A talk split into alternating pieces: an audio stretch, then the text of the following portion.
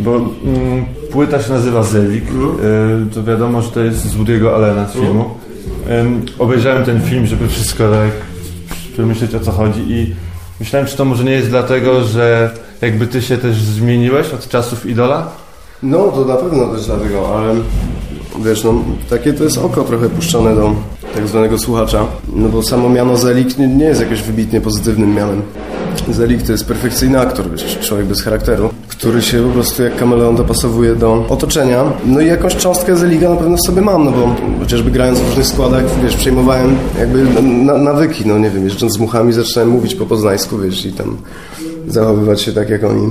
Jeżdżąc z brodką, wiesz, zacząłem się lepiej ubierać, no wiesz, jakby tego typu montaż. No i wydaje mi się, że też dobrze podsumowuje jakby to, co jest na płycie, a na płycie są piosenki z kompletnie różnych lat, jakby z, z, wiesz, y, komponowane przez, przez różnego mnie tak naprawdę, no bo podobno przez 7 lat się jakby odnawiasz cały, nie? Wszystkie komórki w twoim ciele po 7 latach nie masz jednej tej samej, jesteś innym człowiekiem, więc ta płyta powstała ponad 7 lat, więc różni Krzysztofowie Zalewscy, że tak powiem, ją pisali. Stąd.